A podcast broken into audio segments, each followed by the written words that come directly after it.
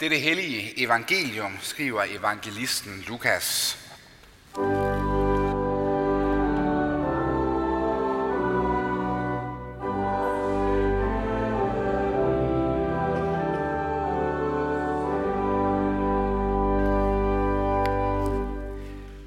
En gang på en sabbat var Jesus kommet ind for at spise hos en af de ledende farisæere, og de sad og holdt øje med ham. Der stod der foran ham en mand, som led af vand i kroppen. Og Jesus spurgte de lovkyndige og farisæerne, er det tilladt at helbrede på sabbatten eller ej? Men de sagde ingenting. Så rørte han ved manden og helbredte ham og lod ham gå. Derpå sagde han til dem, hvis en af jer har en søn eller en okse, som falder i en brønd, vil han så ikke straks trække dem op, selvom det er på en sabbat. Det kunne de ikke svare på. Da Jesus lagde mærke til, hvordan de indbudte udvalgte sig de øverste pladser ved bordet, fortalte han dem en lignelse. Når du bliver indbudt til bryllup, så sæt dig ikke øverst ved bordet. Måske er der indbudt en, der er fornemmere end du, og så kommer han, der har indbudt jer begge, og siger til dig, giv ham din plads. Så må du med skam indtage den nederstes plads. Nej, når du bliver indbudt, gå derhen og sæt dig på den nederstes plads, så at han, der indbød dig, kan komme og sige, min ven, sæt dig højere op. Så bliver du hedret i alle gæsternes påsyn. For enhver, som ophøjer sig selv, skal ydmyges, og den, der ydmyger sig selv, skal ophøjes. Amen.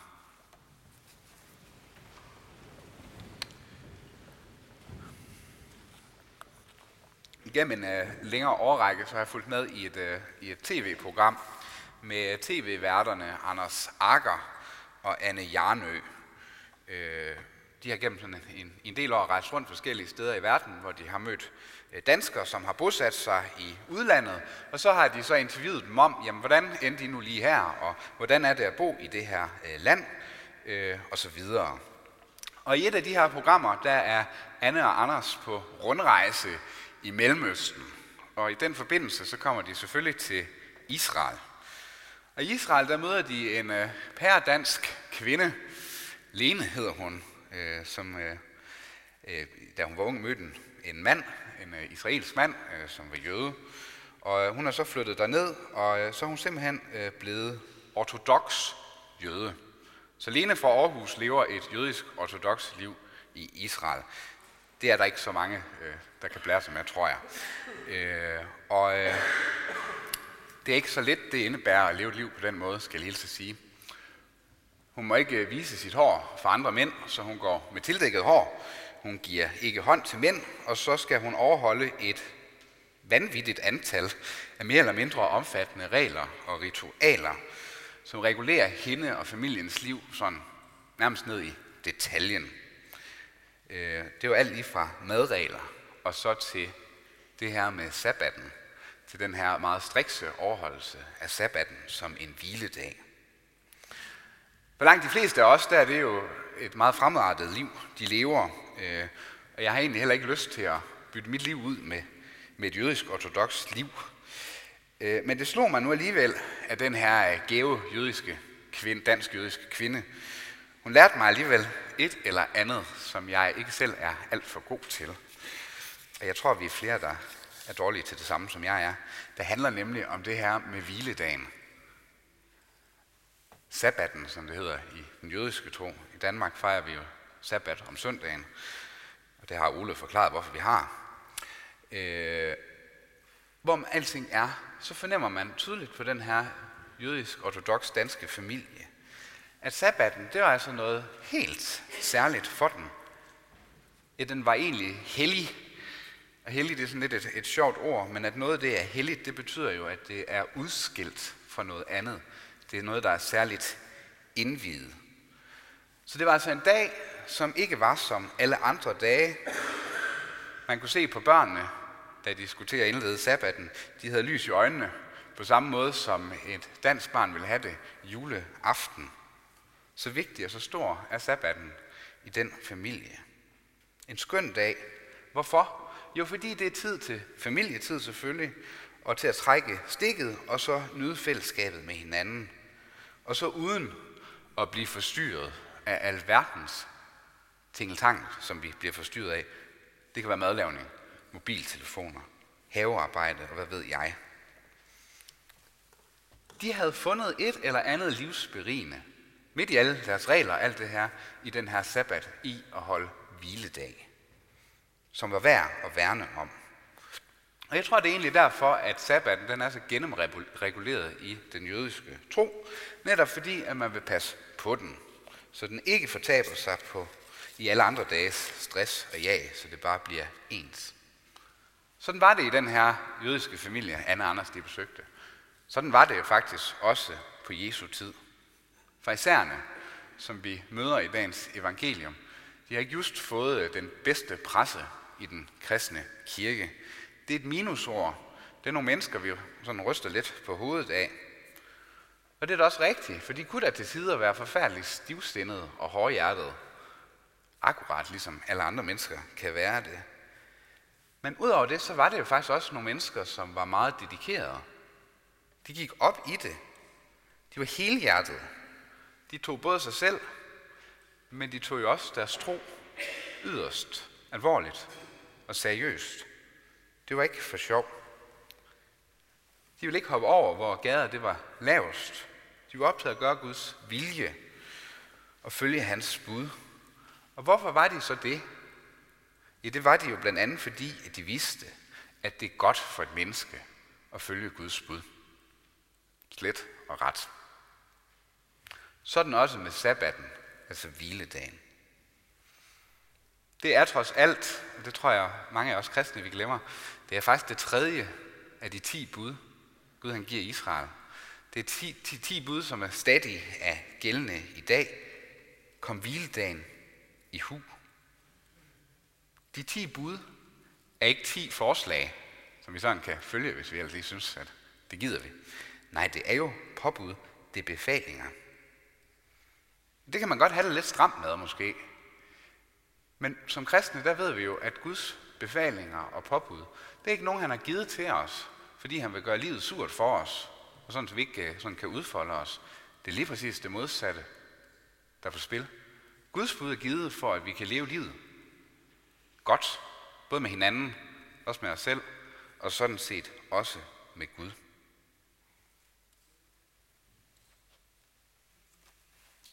Guds bud er gode.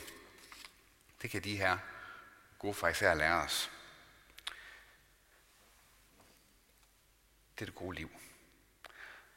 Det, der så sker indimellem, det kender vi godt, enten man er fariser eller ej, at man kan indimellem blive så seriøs og så dedikeret og så ivrig. Det kan være religiøst, det kan være politisk, det kan være ideologisk eller på alle mulige andre måder. Men at man kommer til at overdrive, man kommer til at hykle, og man kommer til at være en linjevogter eller en linjedommer. Og det er det, der sker for fraisererne indimellem. De overdriver Guds gode bud forvansker dem og føjer en masse ting til. Og når man gør det, så bliver det også lige pludselig lettere at være opmærksom på, hvor går grænserne i det hele. Hvem er med, og hvem er ikke med? Øh, hvem sidder på ærens pladser, og hvem sidder på skammens, hvis de der overhovedet sidder med ved bordet? Hvem følger reglerne, og hvem følger dem ikke? Det udvikler sig til altså sådan en eller anden form for en sygelig optagethed altid af, hvad alle andre gør, end hvad man selv gør. Og så kan man ellers bruge Guds bud som sådan et redskab, man kan slå folk i hovedet med og ekskludere dem med. Og det er det, Jesus han rev sig farisæerne med, når han går efter den. De tildeler sig selv ærens pladser, fordi de mener, at de har ret til de ærefulde pladser omkring Guds bord, i modsætning til så mange andre. For eksempel den syge mand med vand i kroppen, som pludselig står derinde i det fine selskab, ham ved man ikke, hvad man skal gøre med. Og hele ideen med den her lidt øh, lavpraktiske fortælling, Jesus han kommer med, hvordan man lige skal gebært sig, hvis man kommer til en fest, så man ikke bliver ydmyget, fordi man får sat sig øh, forkert. Øh, det handler jo i bund og grund ikke om, at Jesus han vil fortælle os om, hvad god øh, bordskik det er. Nej, det handler om at fortælle os om, hvad ydmyghed og barmhjertighed det er. At man ikke skal bruge Guds bud som en undskyldning for ikke at handle vel mod sin næste. Manden med vand i kroppen blev set af Jesus. I den kristne kirke bekender vi, at Jesus er Gud. Det er Gud selv, der går hen til ham, lægger sine hænder på ham, og han blev rask i samme øjeblik. På en sabbat, på en hellig dag. Det er faktisk også det, Gud han gør, når vi samles her i kirken. Så kommer han også til os, lægger sine hænder på os, hjælper os ud i livet, fører os på vej, ret vej hjem. Derfor går vi i kirke. Det er for at blive mindet om, hvad Gud han gør, at han giver os alt, hvad vi har brug for, både til dagen og vejen. Og han byder os ind. Man behøver ikke, det gør man tit i danske kirker, at sætte sig på de bæreste rækker. Det behøver man ikke. Man er velkommen til at rykke frem. Hvis man gerne vil sidde på de bæreste rækker, må man gerne det. Men øh, ven og venner, sæt jer højere op. Og heroppe ved aldersgangen, der kan I se, det er en halvcirkel. En gammel kristen tradition, det er, at man forestiller sig, at cirklen den fortsætter, og så sidder alle dem, som er gået hjem til Gud på den anden side, altså et rundt bord. Så kan vi på den her søndag tænke over, hvor er ærens pladser ved et rundt bord. Sådan er den kristne kirke. Så øh, skulle vi ikke prøve at slægte Jesus på? Han kom som tjener for os. Lad os gå ud i livet, og så tjene andre og afspejle ham der. Ære være faderen, sønnen og helligånden, sådan som det var i begyndelsen, således også nu og altid og i al evighed. Amen.